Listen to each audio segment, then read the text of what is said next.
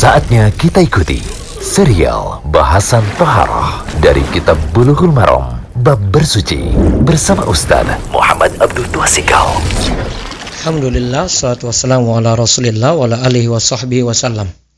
Kali ini kita berada di audio ke-59 dari pembahasan kitab Bulughul Maram, kitab Toharoh, bersuci, tentang mandi dan hukum seputar junub. Babul ghusli wa hukmul junubi.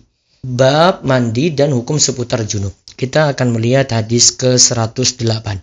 Hadisnya dari Abu Said Al-Khudri radhiyallahu anhu ia berkata Rasulullah shallallahu alaihi wasallam itu bersabda, "Al-ma'u minal ma." Air itu dari air.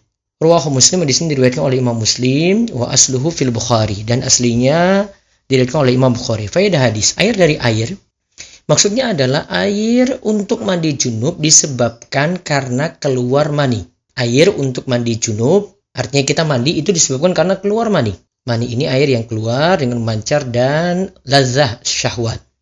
Mani disebut juga dalam ayat dengan ma seperti pada ayat khuliqa mimma indafik dalam surat At-Tariq ayat 6 kita itu manusia diciptakan dari air yang memancar.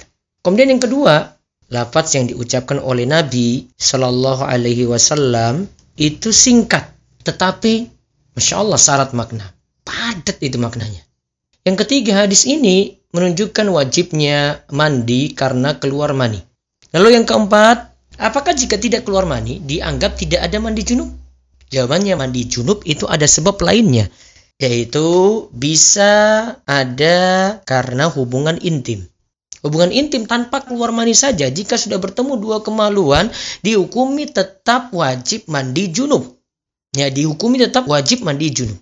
Kemudian faedah yang kelima, ternyata pada masa awal Islam, siapa saja yang menyetubui istrinya, lantas tidak keluar mani, ia cukup istinja dan berwudu. Ya berarti dia bersihkan kemaluannya dan berwudu itu saja dulu. Ya, ini ah, di masa awal Islam. Jadi pokoknya hubungan intim tidak keluar mani.